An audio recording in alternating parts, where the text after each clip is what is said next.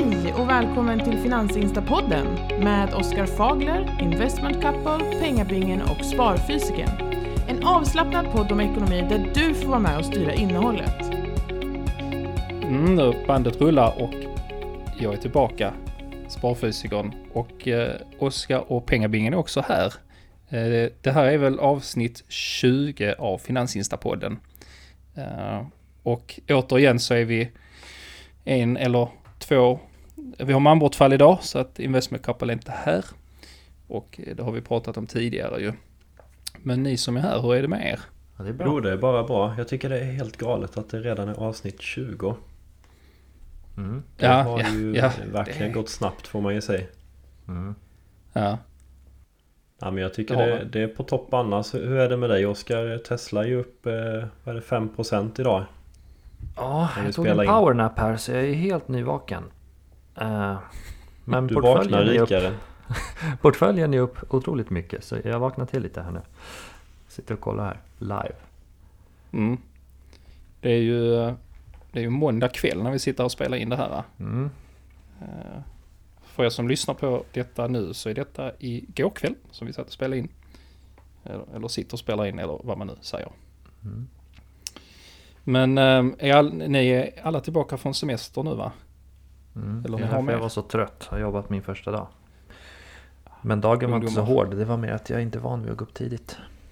Mm. Ja den är seg när man ska ställa om. Mm. Det, det, är, det är lite tungt. Det är min första dag också idag. Nu är jag så här äckligt. Jag brukar alltid vara så här superglad och optimistisk. Jag älskar att gå till jobb, jag tycker det är jättekul. Men äh, ja, det var lite segt i morse att ta sig upp tidigt och ta sig iväg och Mm. åka tåg och allting. Så att, men det gick. Funkar Jag har ju varit igång en vecka redan Ja. här så att jag är ju varm i kläderna. Ja, du, har, du är igång. eh, Bollen är i rullning liksom.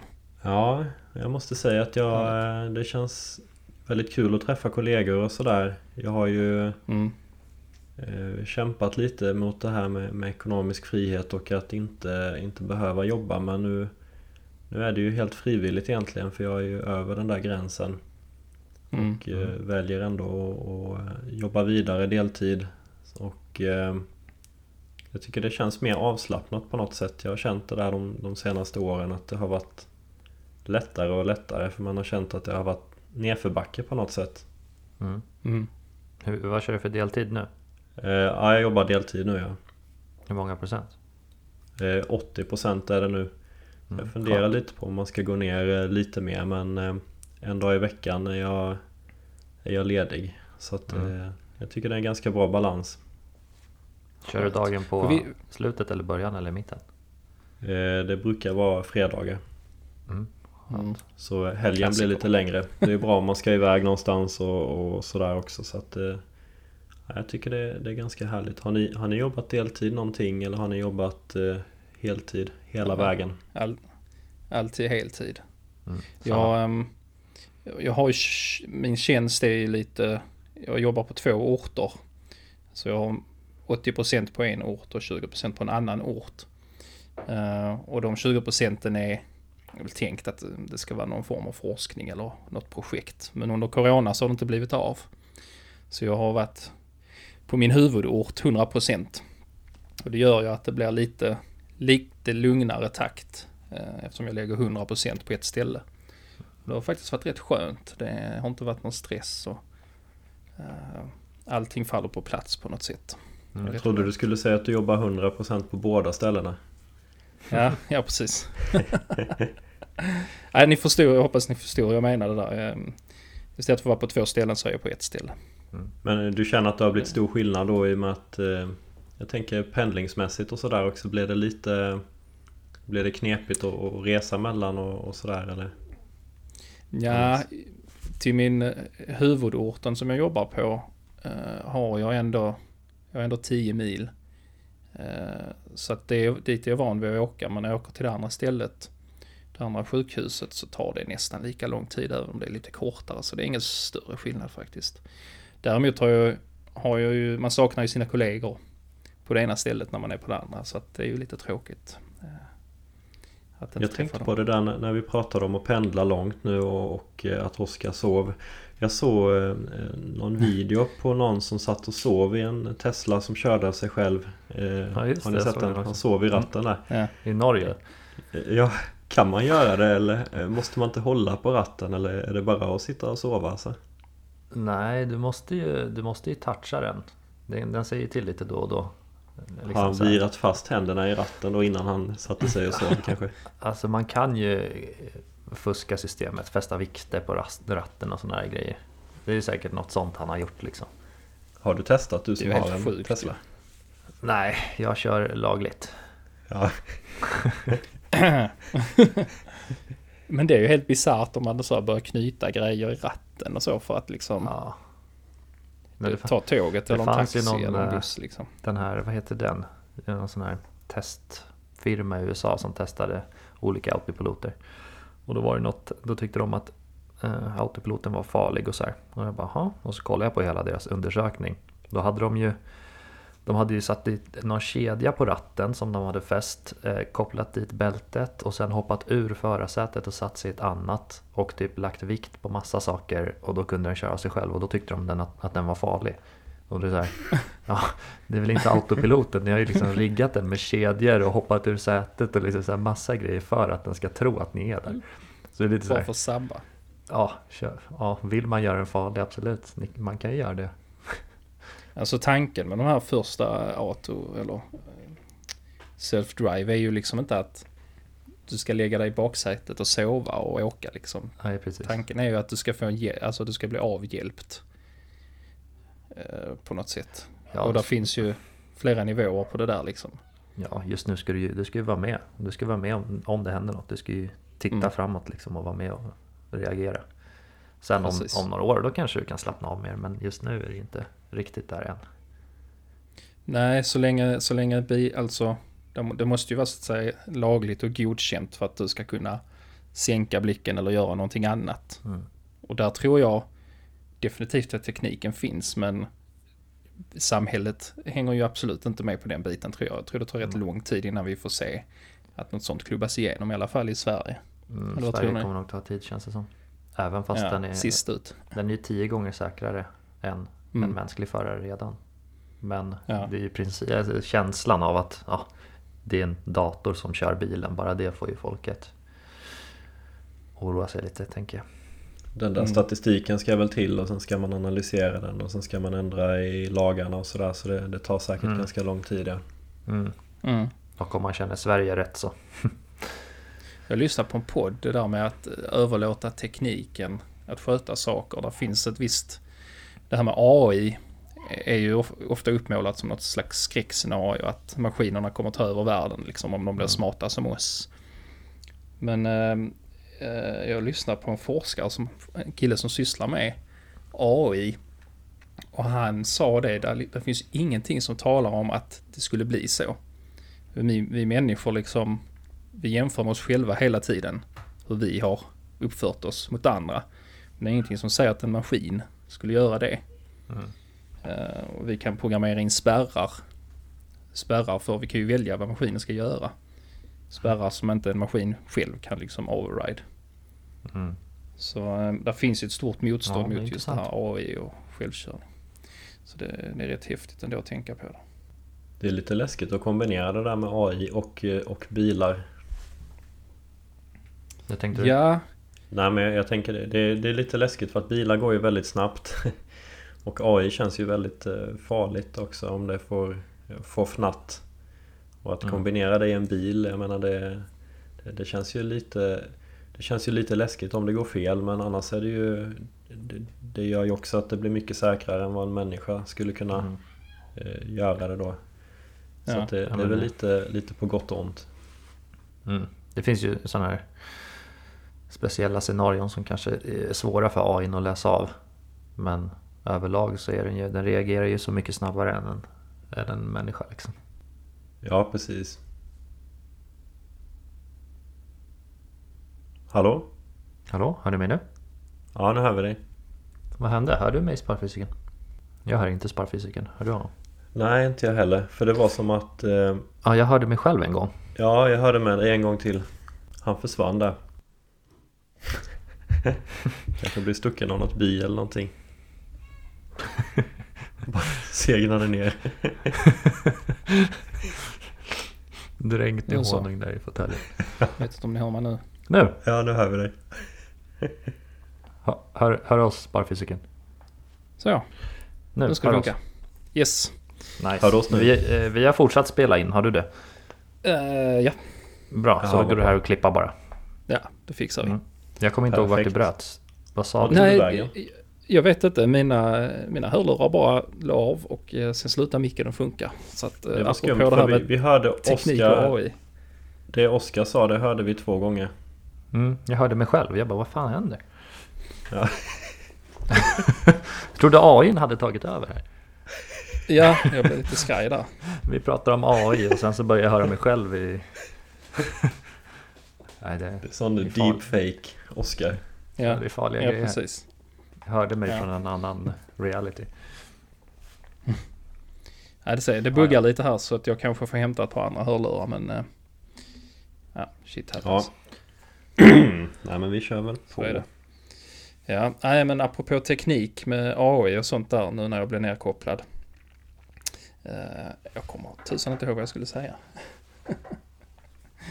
Nej, vad var vi? Nej men det är ju det här med. AI och eh, hur mycket moral och etik de lägger, alltså man, vi människor, vi har ju liksom vår, det har varit uppe på diskussioner där hur en, eh, en bil som är självkörande kommer att agera i en situation där den får välja mellan att döda en människa eller en annan människa. Ja. Ja just det. Ja det är sant. vi satt och funderade här. Vi bara hmm. Ja, det blir helt nej, tysta. nej för jag tänkte på det där. Människor har ju också olika moral och etik. Eh, Mm. Precis. Ja det är jätteknepigt det där.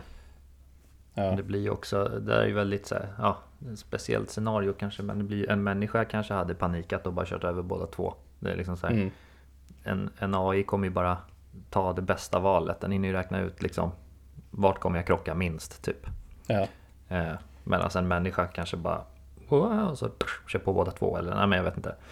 Ja. Det är, så här, det är klart det kommer komma sådana här ställen där det absolut inte går att göra något.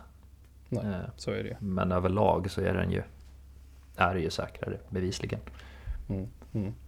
Människor är ju sämst ja. egentligen. Det är det som är problemet. Ja, jag, jag är faktiskt inte rädd för AI. Jag tycker det är... Jag tycker AI är häftigt att det, det liksom sker väldigt stor utveckling där. Men jag tror vi är väldigt långt ifrån att ha riktig artificiell intelligens som är på samma nivå som oss människor. Mm.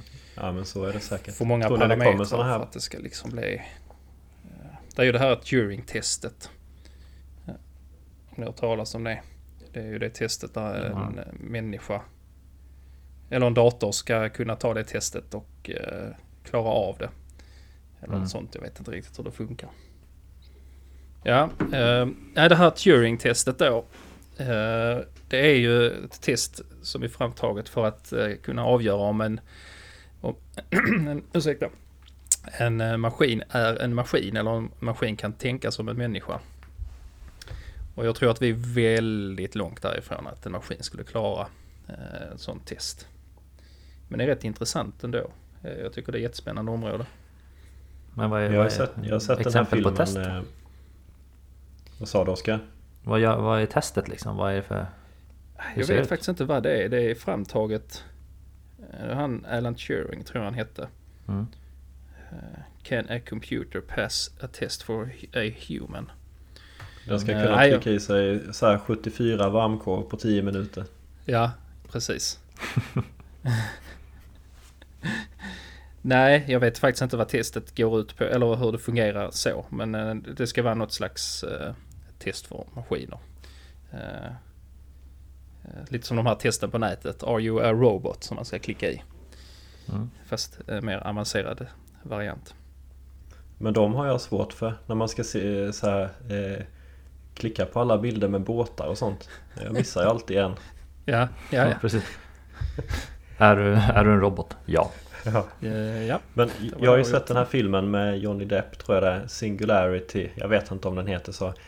Men eh, han... Nu minns jag inte riktigt men han blir ju på något sätt... det är en sån här AI som tar över honom på något sätt och sen blir han uppkopplad mot internet och då börjar han liksom handla på börsen och ta över alla pengar och eh, koppla upp vapen och grejer så att han blir ju livsfarlig till slut. Ja. Jo, vänta, jag känner igen det där. Ja, jag tror jag vet vilken du menar. Den, den är rätt bra. Nu minns Ja. jag inte riktigt vad den handlar om eller vad den heter men eh, jag ger den 5 av 5. Det, oj, det var bra. Fi- Filmtips, jag vet inte vad den heter, men 5 av 5. Den var Fem bra. avokados av fem. Mm. Jag tänkte på det här programmet eh, Sveriges sämsta bilförare. Tror ni det kommer med Sveriges sämsta AI? Ja. Just det. ja. Nej, det är en mycket se. spännande värld. Det är det. Eh, ja. Det sker mycket utveckling. Ni som, ni som är intresserade av AI tycker jag ni ska lyssna på Lex Friedmans podd. Eh, han eh, har väldigt många intressanta gäster. Allt från fysiker till filosofer till programmerare. Eh, Ethereums grundare, han Vitalik har varit med. Och så då Mm. väldigt många forskare inom AI. Skitbra podd. Ofta långa avsnitt, typ tre timmar långa. Mm. Det är mycket spännande. Men jag tänker, jag tror just det där med självkörande bilar, det kommer ju, det kommer ju kommer ske. Tänker jag. Ja. Det är bara att kolla, typ en AI i ett spel kan ju äga vilken människa som helst. Mm. Och egentligen är bilkörning är ju i princip ett, du har ju regler att följa liksom. Och Ja. händelser som kommer ske. Så. Och ja, det känns som det borde ske inom bara några år. Mm. Ja, det är väl Googles AI eh, DeepMind som har slått... Eh, ja, det var väl ganska länge sedan den slog världens bästa schackspelare och sådär. Den, Mm. spelar väl mot sig själv eh, eh, liksom en miljon gånger och så blir den smartare och smartare och sådär. Ja, just det. Mm. Kan förutse alla dragen. Ja, precis. Ja, det är ju en dator kan ju räkna ut tusen drag framåt liksom. Alla Ja. olika kombinationer. Men en Ja. människa kan göra några stycken. Precis. Så ja. Nej, det är intressant. Ja, ja det som finns flera nivåer på det också. Kommer att tänka på den här intervjun med Jack Ma och Elon Musk. Ja, just det. Den- Humans are smarter than computers. Definitely not. ja, jag måste kolla på den sen igen. Den är bra. Mm. Mm. Nej, det är häftigt. AI, men det finns ju olika nivåer av det. Det är liksom självkörande bilar är ju bara en av alla aspekterna Mm. så att säga. Eh, Där finns ju AI inom sjukvården. Jag jobbar ju Mm. Eh, som sjukhusfysiker. Där är rätt mycket AI inom, eh, inom diagnostiken och så här. Som eh, Mm. det forskas mycket på. Att can cancerdiagnostik. Att maskiner kan bli bättre på att eh, läsa av bilder efter tumörer till exempel. Än vad Mm. människor är. Mm. Och då är det ju också, vem vill att en människa ska ställa, eller en eh, robot ska, ska hitta en tumör eller att en läkare ska hitta den eller. Mm. Det är mycket sådär djupa frågor. Mm. Ja, Ja. har det hänt något annat spännande i vår omvärld utöver självkörande bilar och AI? ja. GV dissa aktier. Ja, jag såg det också. Ja, det är skön. Nej, Han skrev i... Var det i Aftonbladet eller? Ja. Mm. Ja, vad var det han skrev där? Att vanligt folk ska hålla sig borta från aktier. Ja, Ja. men, ja precis. Han, han sa ju det här att f- folk tar för lätt på risker och, och, eh, och sådär. Och det kan man väl hålla med om att, att man ska vara väldigt långsiktig i, i, i sina investeringar och att Mm. många kanske tar för mycket risk nu men han sa också att han försöker avråda folk från att handla med aktier och att aktier är någonting som man ska hålla på med om man har det gott ställt. Mm. Jag tyck, tyck, håller ni med honom?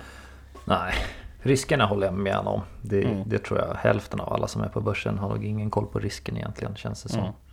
Det är nog bara, man har läst på alldeles för lite. Någon polare som har sagt att börsen är bra bara. Men att avråda folk från det kanske inte är helt rätt liksom. Men att det Och bara att- är folk som har råd? Alltså, eller? Ja, gott ställt. Hur tänker ni då? Hur ser ni på det? Gott ställt? Nej Hur men jag, jag tycker det är helt tokigt. O- om han menar så här att man bör ha en buffert först innan man investerar på börsen då, då köper jag det till 100% men eh, att det bara skulle vara välbärgade eller så som ska hålla på med aktier det, det håller jag inte alls med om utan Jag tycker att börsen är en väldigt fin möjlighet för folk eh, Mm. med vanliga jobb och att, att förändra sin ekonomiska framtid. Ja, det är ju Mm. verkligen så. Man kan ju börja med 100 spänn. Du Ja. behöver inte liksom 3 miljoner att trycka in. Precis. Eh, Och det är det det låter som när han säger liksom gott ställt. Då tänker jag att man är... Ja, Ja, Man har det är lite pengar. konstigt. Det är lite Ja, konstigt uttryck. förr var det kanske så att man fick glida in på banken och Jag vet inte, det kanske var något för de rika förr i tiden men så är det ju inte nu. Det räcker med bank-id och en hundralapp så är du igång. Mm, Mm. Precis. Nej, jag vet inte eh, om han menar det han sa där riktigt att man ska ha det gott ställt. Och, som, vad är gott ställt egentligen? Precis. Det är ju Han kanske, bara, han kanske bara menar att man inte har skulder. Ja, Men Men sen man är det ska- ju också... man är ska inte gå in på börsen. Alltså man ska ju vara försiktig och speciellt om man känner att man inte har. Man ska ju aldrig gå in på börsen med pengar som man inte har råd att förlora. Nej. Men jag menar, du måste inte vara rik för att gå in på börsen. Men sen Nej, tänker jag han också att säger, det han säger är så här också. Ja, Vad sa du Oskar? Eh, Jag tänker att det, det är ju Aftonbladet också. Han kanske har liksom babblat på i 30 minuter så har de klippt ut Ja. några citat. Så det kan ju vara lite missvisande också. Man vet ju hur det är i sådana där Han, han är intervjuer. säkert lite felciterad här men Han säger att han är ju ekonomiskt oberoende och att hans bolag går som en kanonkula. Eh, Mm. Så att han, han ligger inte sömnlös om eh, någon av aktierna går dåligt. Mm. Och det är väl bra. Man ska inte påverkas av hur, hur aktierna går. Sover man dåligt om natten då, då tar man nog för hög risk. ja, Mm. ja. Eller investerat pengar man inte har råd att investera helt enkelt. Mm. Så han har väl helt rätt. Sen eh, Han uttrycker sig på ett sätt som gör att det blir rubriker. Mm. Det har han alltid varit känd för ju. Han är ju, han är ju bra på att säga lite vad han tycker rakt ut. Så att, eh, Ja men verkligen. Kommer ni ihåg för några år sedan när han investerade väldigt mycket i eh, eh, börsintroduktioner? nej. Ja. Han, då stod alltid i Aftonbladet vilka aktier han hade köpt och sådär så att de gick ofta upp ganska mycket första dagen kanske så här det blev ofta övertecknat och sen gick det ner ganska mycket. Ja, men det, stod ju till, det stod ju också i Aftonbladets artikel där tror jag. Att han var känd för att så fort hans namn nämndes vid en aktie så rusade den eller något sånt där. Så han, Ja, det. precis. han har ju marknadspåverkan då. Ja. Så det, det var väl inte meningen från hans sida men det blev ju alltid de här rubrikerna. GV har tecknat den här. Ja då är det bara Mm. att köpa. Ja, precis. Och det, det, där, det där är ju livsfarligt. Ja, Ja. visst. Ja, men i övrigt så är han en, jag tycker han är en skön snubbe.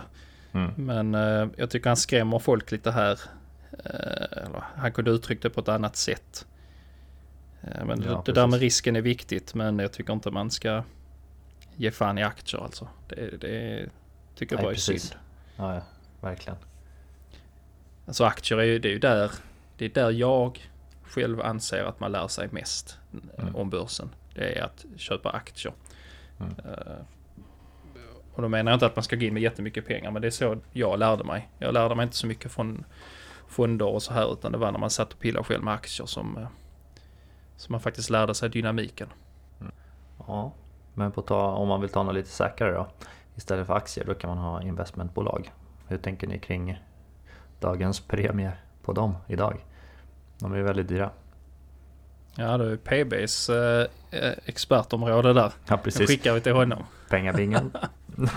Ja men jag, jag får säga att jag har inte sett något liknande de, de senaste tio åren Just när det gäller värderingarna utan de brukar ju handlas med ganska fina substansrabatter Jag minns ju att Investor brukade handlas med någonstans mellan 15 och 25% substansrabatt och Substansvärdet, vi har pratat om det innan, det är ju värdet på de underliggande aktierna då Mm.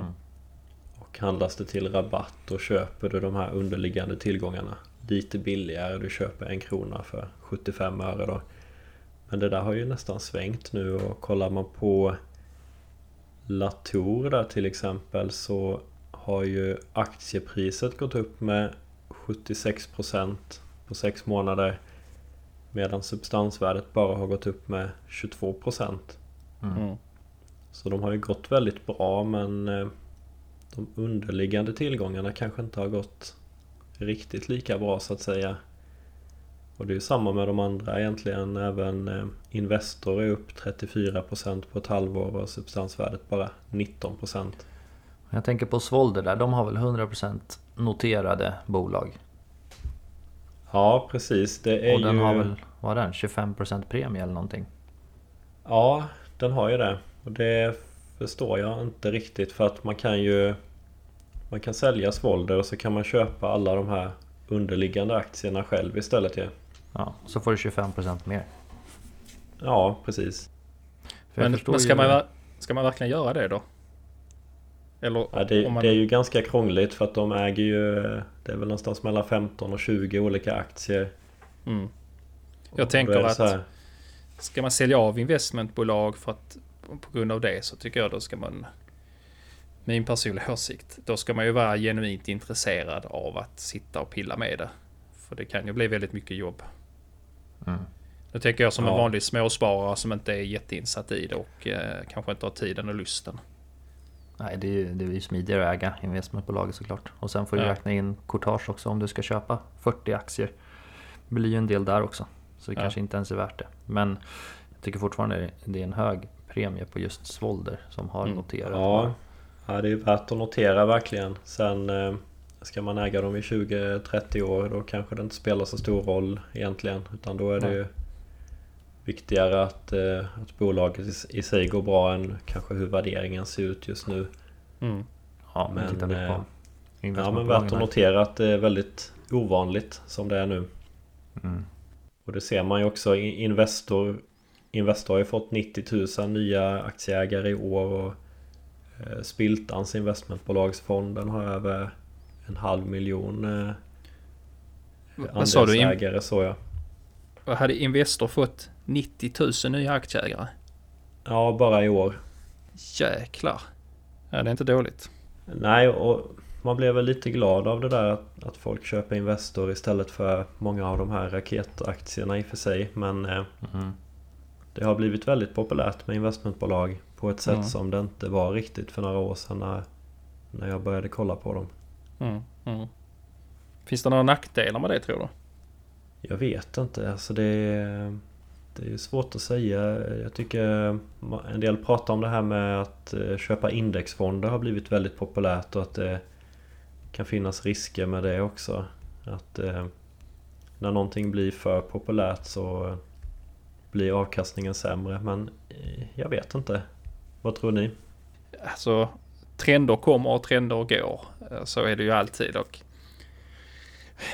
vi kan sitta här som, som enstaka individer och göra beslut som påverkar oss väldigt, väldigt mycket längre fram i livet.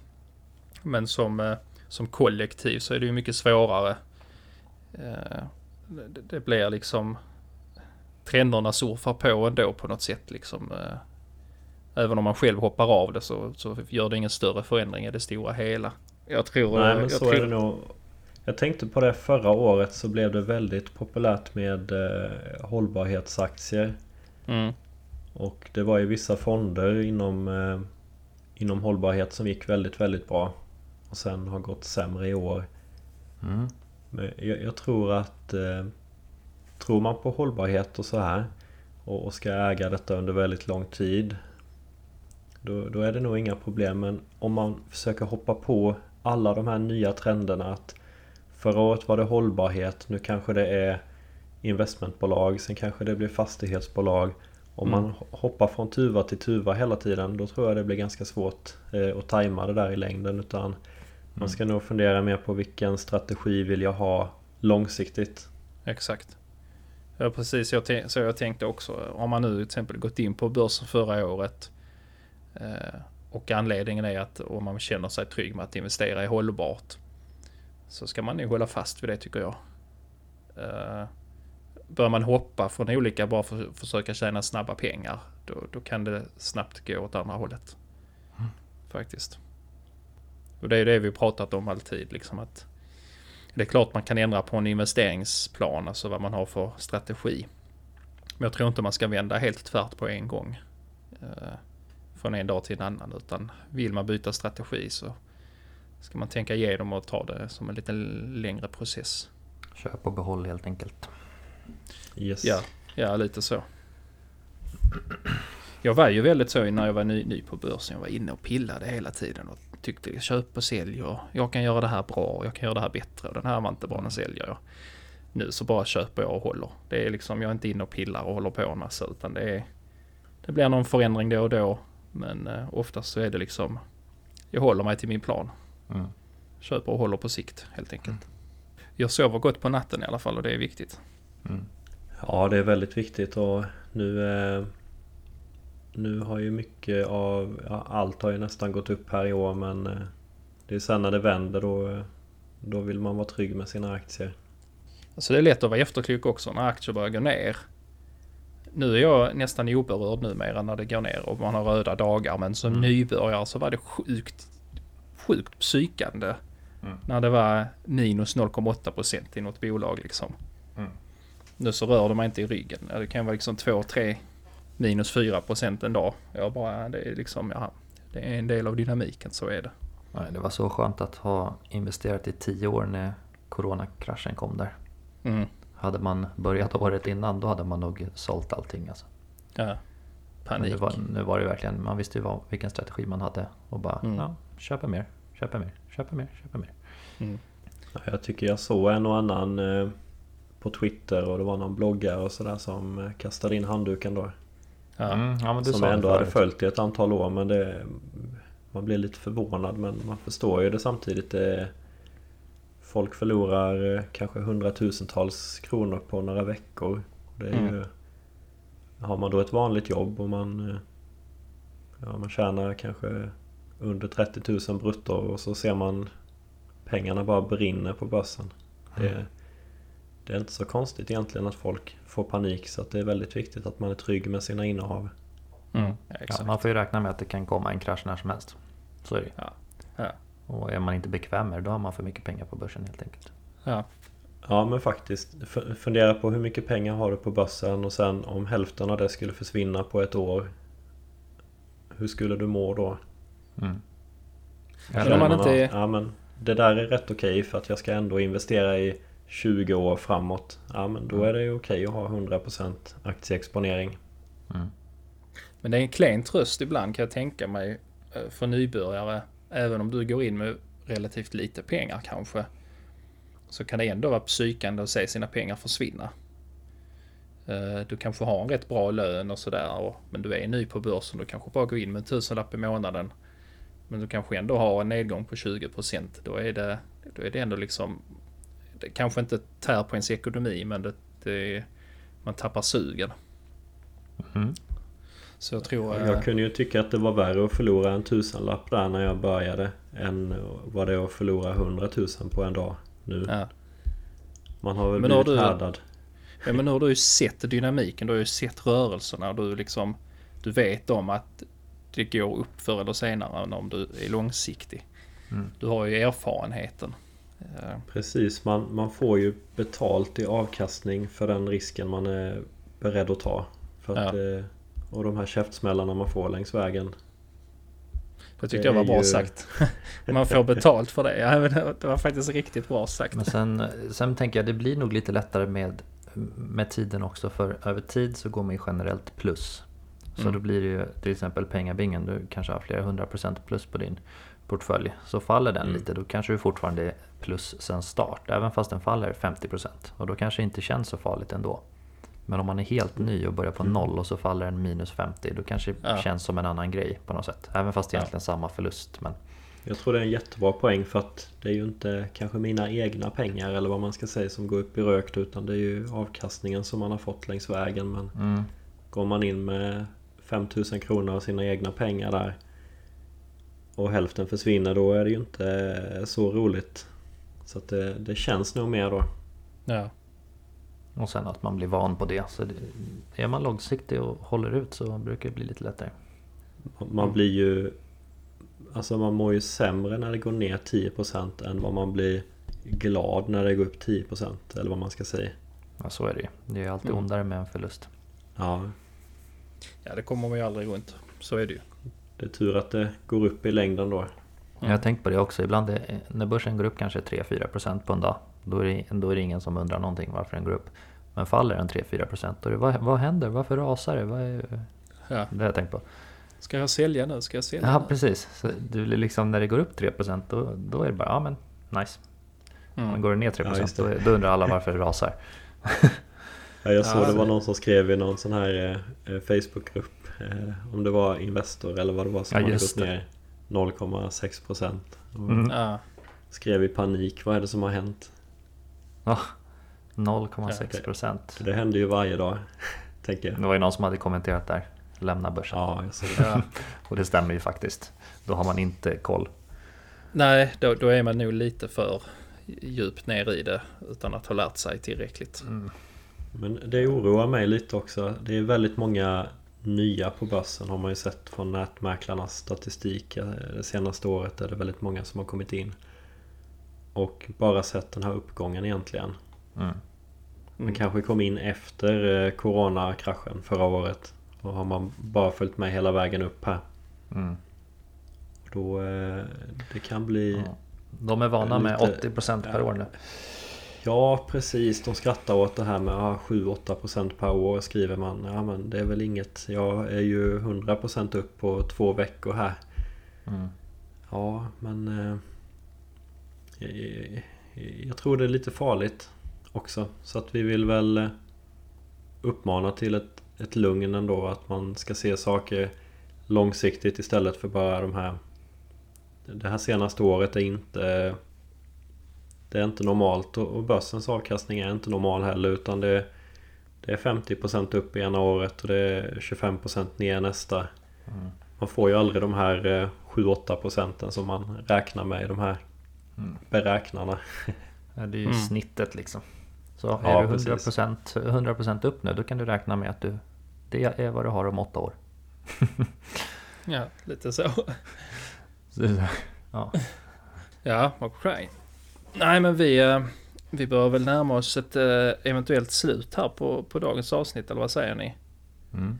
Vi hade lite teknikstrul där i mitten eh, och någon av oss var lite trötta här efter semestern och sådär, men eh, Oskar Jo. somnade där i mitten så vi fick, Ja, eh, precis. vi fick eh, spela in på nytt. Just Ja. det. Ja, jag, ska, jag ska gå och lägga mig nu eh, om en liten stund faktiskt rätt tidigt eh, för en gångs skull. Mm. Ska upp tidigt imorgon och röra honung. Vi hade ju eh, skattade honung i helgen, eller då eh, skördade honung i helgen. Vi måste ju ta upp min biodling i varje Just det. avsnitt. så Varje jag avsnitt ska bina med det det. där. Där kom den. Perfekt. Bra att du Ja. klämde in det. Eh, Slutskattning men kallas det. Du sa att du eh, lägger tidigt. Jag tänker klockan är ju 10 redan nu när vi poddar Ja. här. Så eh, när brukar du lägga dig? Mellan eh, 12 och 2 kanske. Något sånt. På vardagar. Mm. Det är sent. Ja. När går du upp? ja, mellan 6 och 7. Okej, så du sover typ fem timmar? Fyra timmar? Två, två är extremt. Under semestern så blev det, blev det mellan 12 och 2. Men eh, kring, kring 11-12 brukar det bli på vardagar. Mm. Så jag brukar få en sju timmars sömn. Något sånt. Och så vaknar du jag pigg som, pigg som var den. Ja, men jag ligger där någonstans. Mellan 6,5 timme och 7,5 timme är nog min, eh, min optimala. Är det för Så- att du börjar bli lite gammal? Skulle precis säga det. Där är nog lite gubb, gubbigt. Men det känns som det. Ta Alla, honung alla pensionärer. på bara, morgonen så du vaknar till då. Ja, det har jag. Mm. Starkt kaffe och mycket honung. Ja. Nej, men sen är det ju det man har, när man har barn, Oskar, så är det, då, då är liksom, de vaknar ju tidigt och det blir en rutin i det. Mm. Så man vänjer sig vid att då, då blir det den tiden. Mm. Innan man hade barn så kunde man ju ligga och dra sig rätt länge på, på morgnarna om man inte hade ett jobb man skulle iväg till. Mm.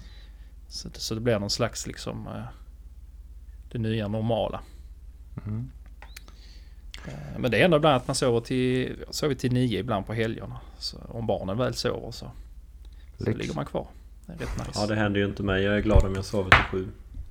Ja men du har ju sm- riktigt smått hemma ju. Ja, så är det ju. Ja. Det, det, de sover ju längre och längre ju. eh, Ju äldre de blir så sen till slut så behöver de inte en längre. Sköter de allt själva. Går ner på morgonen och brer mackor och blandar O'boy. Det är som Man en riktigt kvar. bra väldiversifierad aktieportfölj. Ja, Du bara skjuter in pengar i 15-20 år, sen sköter Ja. den sig själv. Ja.